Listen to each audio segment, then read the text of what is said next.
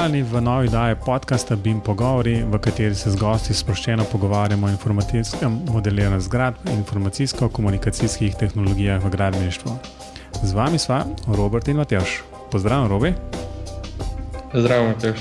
Uh, no, v današnji oddaji lahko pozdravimo Andreja Tibauta z Univerze v Mariboru. Um, prosti, Andrej, ki sem te v Ljubljano preselil. Živijo, Andrej. Lep pozdrav, Teoš, lep pozdrav, eh, eh, Robert. No, Andrej je bil že v bistvu večkrat gost um, tega podcasta, tako da nas je naj že z Robijem večkrat rešil z, z pripravljenostjo povedati kakšno zadevo. In tokrat, tako kot obljubljeno v enem, eni izmed prejšnjih oddaj, pet minut, um, bomo govorili o um, BIM priročniku oziroma priročniku, ki ga je zdaj IZS.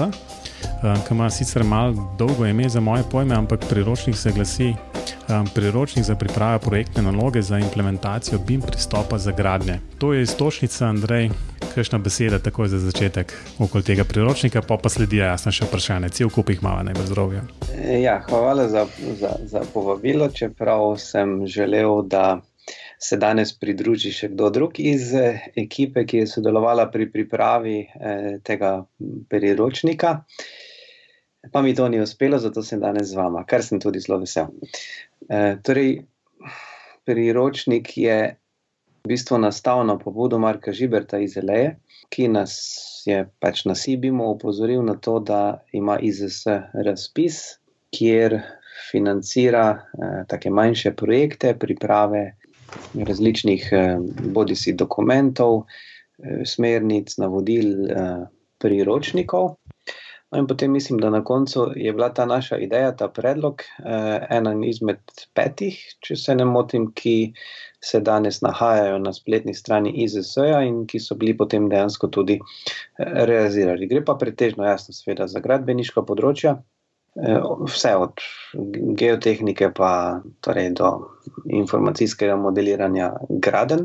Znotraj Sibima smo potem sestavili eno, eno ekipo. Bili so določeni pogoji, da mora to biti nekaj članov zbornice, eh, nekaj ni ne nujno članov, in se potem seveda eh, prijavili, in ideja je bila potrjena. Tukaj je bila vodja skupine Ksenija Marc eh, z DRI-ja, ki je bila torej glavni prijavitelj, kolega dr. Samo Medved, Boštjan Štraus, ki je pokrival področje strojništva. Jaz sem pokrival področje gradbene informatike, da rečem, Marko Žibert, eh, Zeleje, seveda področje tudi Bima in infrastrukture.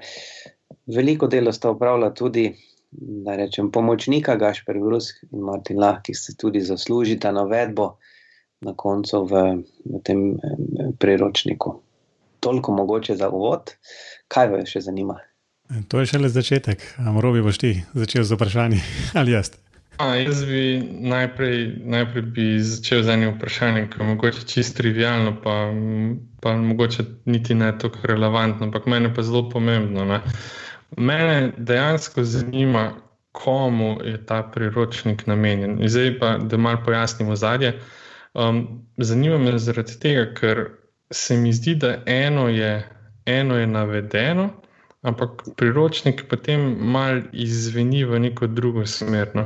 Vse, če povem iz uvoda, vem, da piše, ne, da služi vsem udeležencem pri investicijah, naročnikom, konzultantom, projektantom, izvajalcem, pa potem še naprej se razširi, da, pač služi, da je namenjen vsem inženirjem in arhitektom, ki bi ne uporabljali BIM pristop. Ne. Ampak kljub temu, takih besedil bi lahko bilo več. Ne, Me zanima, komu dejansko bi namenjen, za koga ste pripravljali ta priročnik. Ja, zdaj v bistvu tam na začetku v enem stavku piše, da je namenjen v bistvu investitorjem, ne, ki seveda eh, razpolagajo z javnimi sredstvi, eh, predvsem recimo investicije na področju torej, grejenega okolja, jasno.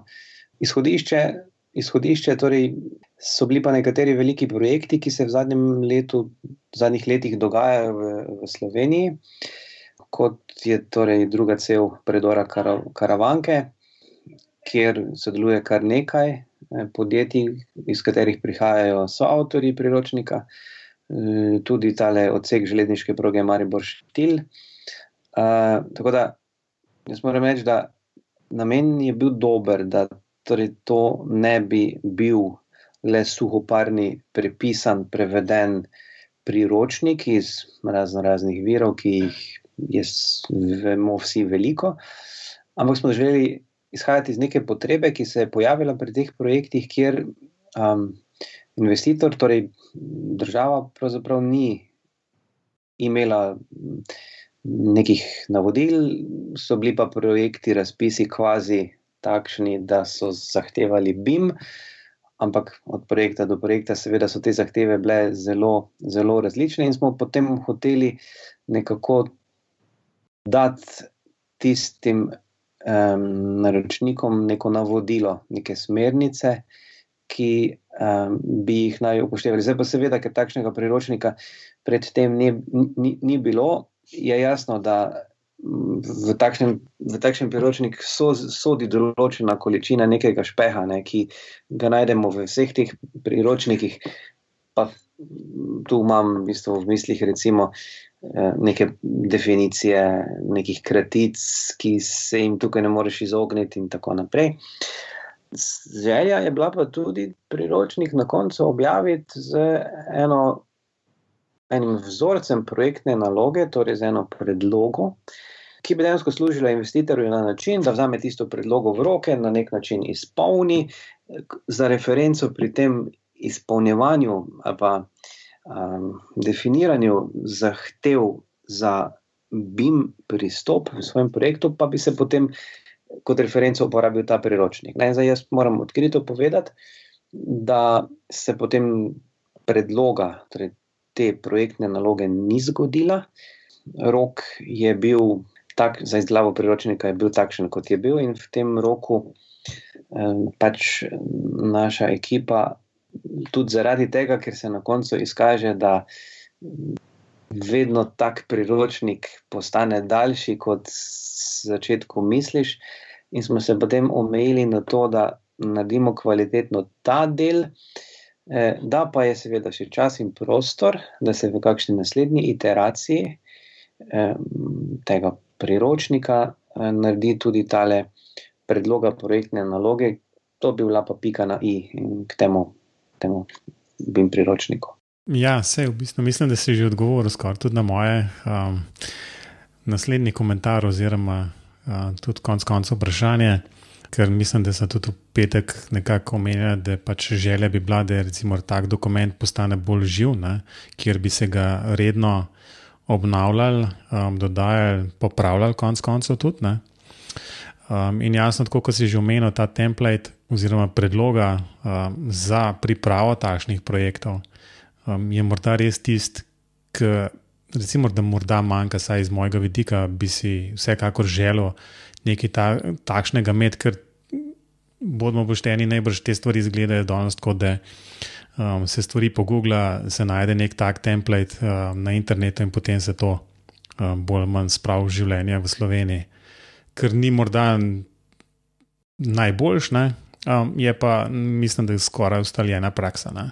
Dokler jasno ne naredi firma nekih svojih takšnih projektov, kjer se potem to, te stvari že nauči in razvije svoj template, konc koncev. Ja, se strinjam, eh, Mateoš. Jaz mislim, da nam je torej uspelo nekaj vmes. Ne? Zdaj, malo bom za, za primerjavo se poslužil naše južne sosede, to je Hrvaške. Hrvati so recimo eh, pred eh, nami, da tako rečem, Slovenci, izdali tudi eh, svoj BIM priročnik, ki so ga objavili eh, v lanskem letu na eni konferenci v eh, Opatiji.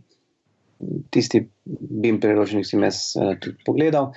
Eh, tam gre dejansko za eh, prevode tega področja iz nekih drugih obstoječih virov, iz angliških virov in tako dalje. Eh, mi, mi smo želeli v bistvu biti uh, it čez, čez ta. Um, minimalni pristop. Eh, zato v tem našem priročniku dejansko lahko najdemo tudi eh, nekatere vsebine, ki so vezane na slovensko okolje eh, in izkušnje, ki so jih pač slovenska podjetja imela skozi te projekte, omenil sem Karvanke in eh, železniško proko eh, Maribor Šentil. Kaj imam v mislih? Recimo, en tak lep primer je poglavje 5, kjer imamo organizacijo BIM procesa, pa imamo tukaj opredeljene vloge in odgovornosti v, v BIM procesu, torej kadre. No in tukaj se spomnim, smo na enem sestanku pripravljalnem kar dolgo debatirali o tem, da moramo, da moramo uh, v schemi, ki je tam na sliki ena, ker zelo, biti uh, občutljivi do, do tradicionalnih uh, projektantskih vlog, torej projektnih vlog uh, in ta novih vlog in novih kadrov, ki se pojavljajo in vežejo na, na, na BIM pristop. Uh, Sveda, ne, zdaj v vsej obstoječi literaturi, recimo, če pogledamo, vidimo potem dejansko pri enem BIM projektu samo tisto BIM kadrovsko strukturo, ne, kjer je na vrhu nek BIM manager, BIM konzultant. Nihče se pa ne vpraša, kako bo ta nek na, na spodnjem nivoju projektant, ki ima BIM znanja, komuniciral z navadnim projektantom, ki je bodi si starejšega, že starejšega emšota, eh, je pa zelo koristen in eh, bogat z, znanjem. Ima pa zraven mlajšega kolega, ki seveda ima nepremeljivo manj izkušenj izvedenih projektov, in pa tudi eh, ima, pa, ima pa neke veščine sodobne ne, in bim znanja, ki jih starejši nima. Torej, kako bosta ta dva sodelovala. Tu smo zelo, zelo z občutkom lotili definicije eh, teh nazivov. Ne. Torej, zato na dnu te skice vidimo, da imamo mm, naziv ne bimovski in pa bimovski, ki sta enak, torej projektant in projektant. Ne. Nismo želeli povedati, da je to bim projektant, ker čim ta dva človeka sedita v, en, v enem istem prostoru, takoj pride do neke težave. Torej, smo poskušali vseeno aplicirati eh, nekako. Eh, smo delali ta priročnik z, z, z, nekim, z občutkom za situacijo v, med slovenskimi projektanti oziroma slovenskimi podjetji. V tem smislu mislim, da, da smo naredili dobro delo.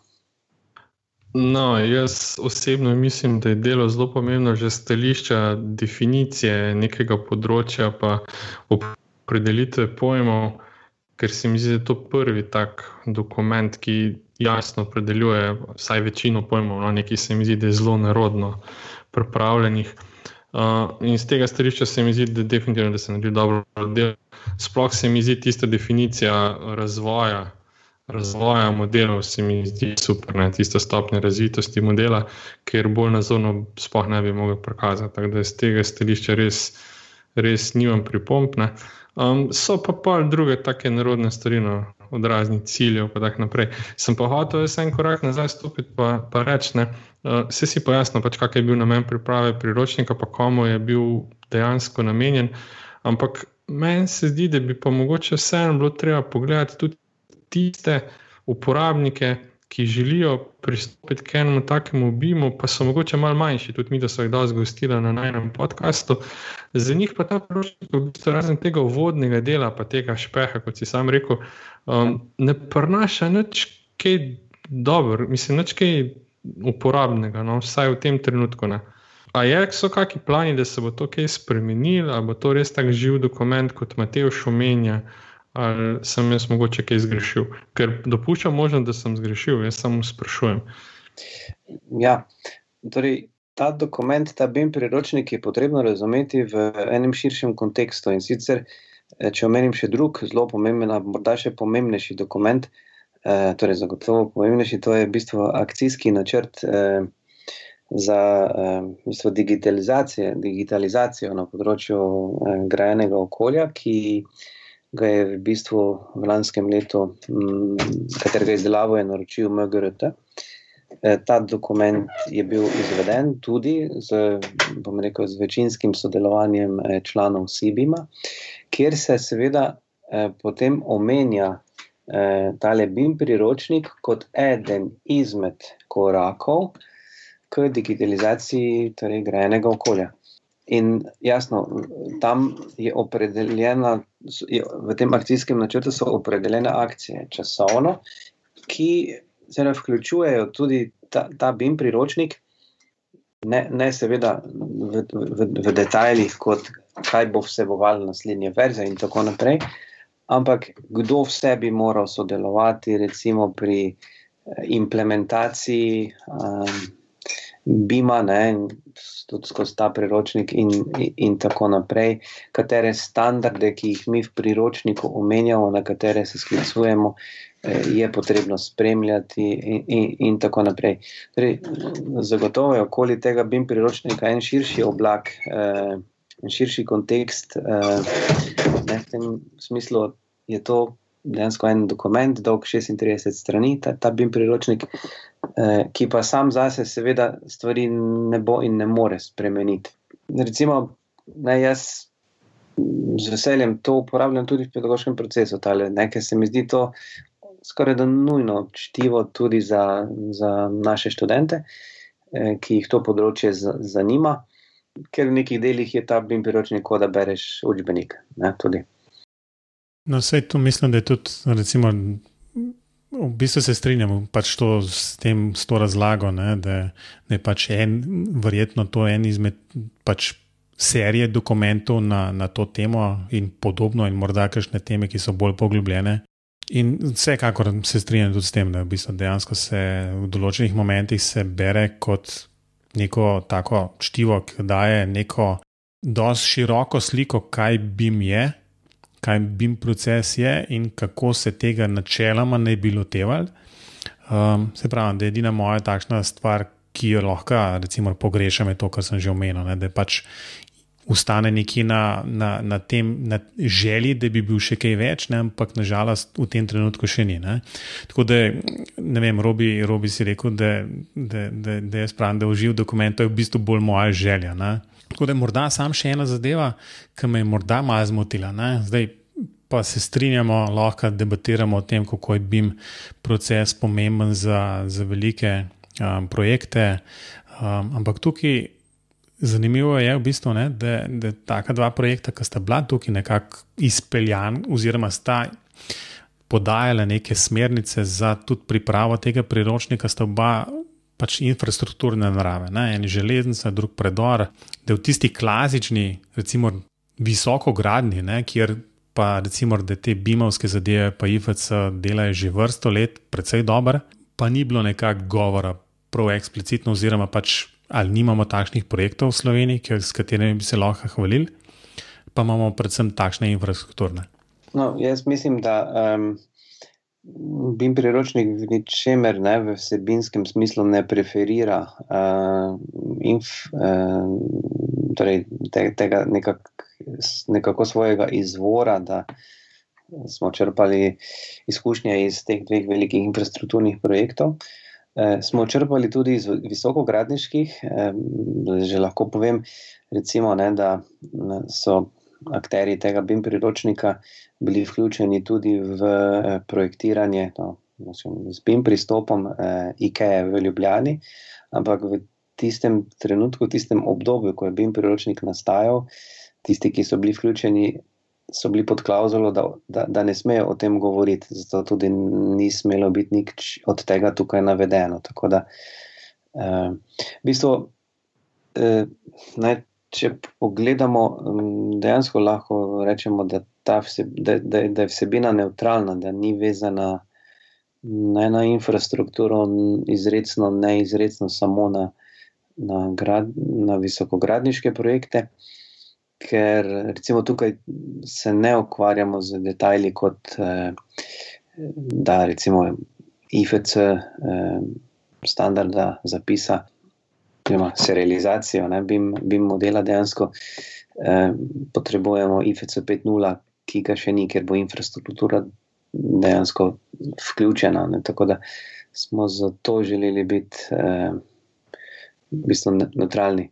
Pri, pri recimo, če vzamemo drugi, drugo cel karavanke, ne, tukaj kolegi iz LE, recimo, vedo, da da sami pomagajo Building Smartu pri definiciji nekaterih elementov, ki jih tunelogradnja, tunelogradnja pozna, jih pa ni mogoče eh, zapisati uh, z obstoječo verzijo IFC, uh, IFC standarda.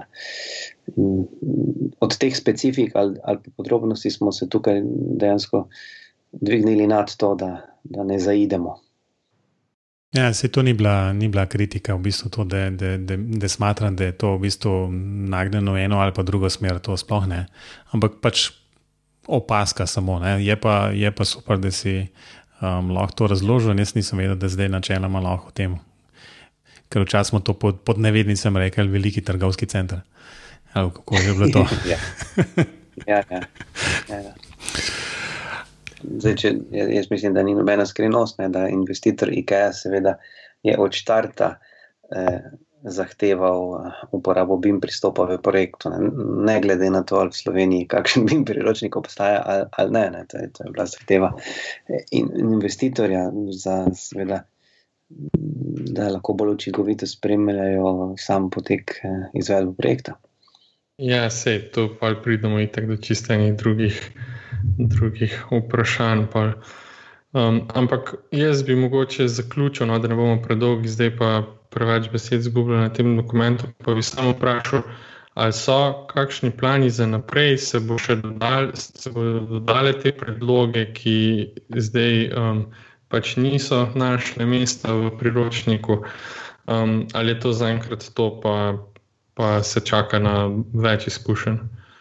E, jaz mislim, da, da v bistvu a, dinamiko vseh teh dokumentov, torej tega BIM priročnika in tudi kakih drugih na to temo, ki bodo še nastali, diktira zdaj tale akcijski načrt, e, ki je v domeni Ministrstva e, za gospodarski razvoj in tehnologijo.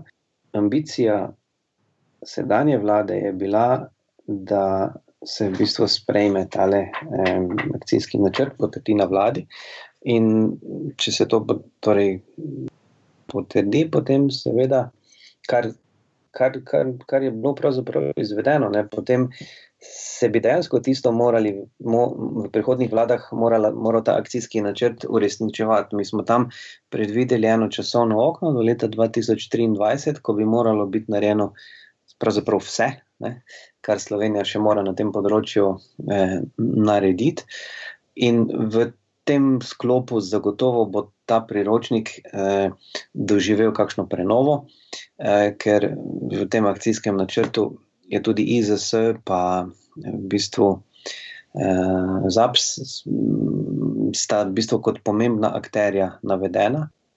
Tudi, seveda, so zato lahko ne, predvidena določena nekatera sredstva. In pod neko tako, eh, torej, če imamo neki taki light motiv, kot je ta akcijski načrt, potem seveda mislim, da ne bi smel biti problem, da se vsi ti ljudje uh, sedejo za isto mizo in definirajo uh, seveda, tudi nadgradnjo tega, tega priročnika.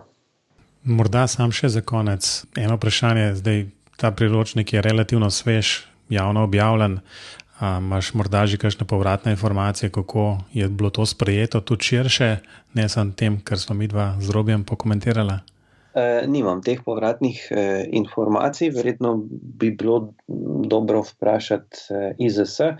Torej, oni imajo to objavljeno na spletni strani, ne vem, ali beležijo, recimo, koliko ljudi je to snelo. Ne, sam osebno sem tudi snel to verzijo iz e, spletne strani. Smo, smo že tri, najbrž ne. Ja, to, to bi bil en zanimiv podatek, ne, kakšen interes je za tem priročnikom, morda tudi v primerjavi z ostalimi, ki so tam bili objavljeni v sklopu tega razpisa. Bi bilo pa zelo fajn, eh, da v kakšno prihodnjo oddajo povabite tudi koga iz IZS-a, ker se mi zdi, da nam v bistvu ta, ta, ta njihov vidik. Eh, Morda zdaj tukaj manjka, ne? torej priročnik je izdelan, eh, namenjen ne samo njihovim članom, torej ni zaprt, ampak je javno dostopen. Ampak eh, kakšen pa bo od tu naprej pristop eh, in obravnava IZS-ja do, do tega priročnika, pa seveda mene tudi zelo zanima, ker kot rečeno, ne, bi bilo potrebno že danes razmišljati o tej smiselni dopolnitvi s katero se vsi strinjamo, ne, da bi bil ta priročnik potem zares, zares, zares uporaben. Um, Andrej, mislim, da to čutim. To robi, robi prosti, ker sem te prekinil, ampak čutim v bistvu taki izziv, si nam postavil zdaj. Um, jaz mislim, da ga lahko z veseljem sprejmemo. Je, je pa res, da um, sem izas, sva skozi BIM pogovore že kontaktirala, ampak pač zaradi časovnih okvirjev v bistvu priprave tega podcasta oziroma te oddaje. Um, trenutno še nismo uspeli narediti enega tazga pogovora, je pa sigurno v planu za, za eno izmed prihodnih um, oddaj. Ja, se, jaz sem tudi hotel komentirati, da so se trudili, oziroma predvsem ali se trudili dobiti sogovornika tudi iz ISS. Um, ampak ni uspel, ker je to pač mal večji sistem, pa, pa še iščejo pravega sogovornika. Jaz sem prav povedal. Ja, ampak to pač ne govori. Kot rečeno, bolj ali manj je zaradi časovnih okvirjev, um, recimo to, da, da naredimo najprej en tak pogovor s sami avtori, vsekakor se pa strinjam, da pač bilo primerno, še posebej na recimo neke moje ideje ali pa naše ideje skupne, da bi bilo dobro, da se ta zadeva obnavlja, da se dopolnjuje. Dobiti tudi informacijo iz strani IZS-a, ki je bil pač naročnik bolj ali manj, pa tudi konec koncev izdajatelj tega priročnika, pač njihovo videnje in morda zvemo tudi njihove načrte s takšnim priročnikom oziroma priročniki, ki so jih izdajali v preteklosti, pa tudi tistimi, ki jih šele bodo. Ne? Um, jaz mislim, da bi lahko za, za, za tole oddajo s tem pač samim pogovorom na temo BIM priročnika zaključili. Mislim, da smo ene stvari povedali, tisoč in eno, še verjetno ne. Bo pa zanimivo, kako bo skozi čas ta BIM priročnik zaživel, oziroma kakšne bodo dejansko informacije od, um, iz prakse, tistih, od tistih, ki naj bi ta priročnik um, uporabljali, oziroma katerim je sploh namenjen. Tako da bi jaz predlagal, da gremo kar na priporočila, ampak jaz sem si dovolil ta priporočila za danes kar poenotiti, tako da bomo kar tri, eno in isto priporočilo in jasno poslušati, lahko zdaj le tri sekunde ugibajo, kaj to je. Ok, ste najbolj že uganali. Um, to je vsekakor pač priporočilo, da greste na spletno stran IZS-a um, in prenesete priročnik, o katerem je bilo danes govora, Um, vsekakor bolj povezava na priročnik tudi v zapiskih. Tako da mislim, da je to to. Andrej, imaš slučajno še ti kaj takšnega pripravljenega ali bomo ostali pri priročniku za danes? Mislim, da lahko, da, da je dokument. Eh, pomemben, da, zaslu, eh, da ni potrebno ga postaviti v, neko konkurenčno pozicijo in omenjati še kakšnih drugih virov, bim virov danes. Eh, ja, v bistvu mislim, da bo treba tudi, kaj svem, um, tudi na, na fakultetah, um, med študenti, um, tudi predvsem višjih letnikov, narediti močne reklame za to, ker mislim, da, da je to namenjeno tudi lahko njim. Uh, tako kot si že Andrej enkrat omenil danes tako je. Je nač, mislim, da smo pri koncu te oddaje. Andrej, um, v bistvu najlepša hvala, da si, si vzel čas in naj jo v bistvu recimo razpravo delno iz časovne zagate priprave tega, te oddaje. Tako da vem, da, vem, da uh, si mrčkam bil poškodovan v bistvu in upam, da se čim prej vrneš polno para, para nazaj. Um, um, za danes je pa mislim, da je to vse. Andrej, kje te pa lahko poslušalci um, najde na internetu, zato da te kaj poprašajo o BIM priročniku? Ja, na mojem e-mail naslovu, um, tudi na Twitterju sem občasno, občasno aktiven. Um, bomo torej, bomo polinkali to. Robi? Ja, jaz sem še na robertah na klinc.net. Me je pa celo kontaktiral en poslušalec na LinkedIn, tako da me lahko najdete tudi na LinkedIn ali kjerkoli. Kjerkoli vam Google pokaže, da se bom oglasil, tam se bom najverjetneje oglasil. Um, no, enako velja tudi za me, um, matejždolenc.com, vsekakor spletna stran, kjer boste potem našli tudi pač povezave na, na razno razne kanale. Sicer za pobim pogovori še vedno na spletu, Facebooku, Twitterju in YouTubu, kjer ponovno štetijo, imamo kar nekaj več um, naročenih. Tako da bi morda apel vsem tistim, ki poslušajo BIM pogovore, da se tudi naročijo na BIM pogovore učinkovit. Da, ampak za konec, um, Andrej, še enkrat najlepša hvala za besede o, o BIM priročniku, predvsem tudi to, da, da ste načeloma pripravili dokument, ki služi svojemu namenu, vsaj zgleda tako. Ne? In um, um, upam, da bomo o teh in podobnih priročnikih lahko v prihodnje še govorili. Eh, ja, sem pripričan, da, da bomo. In seveda, hvala lepa tudi vam še enkrat za povabilo.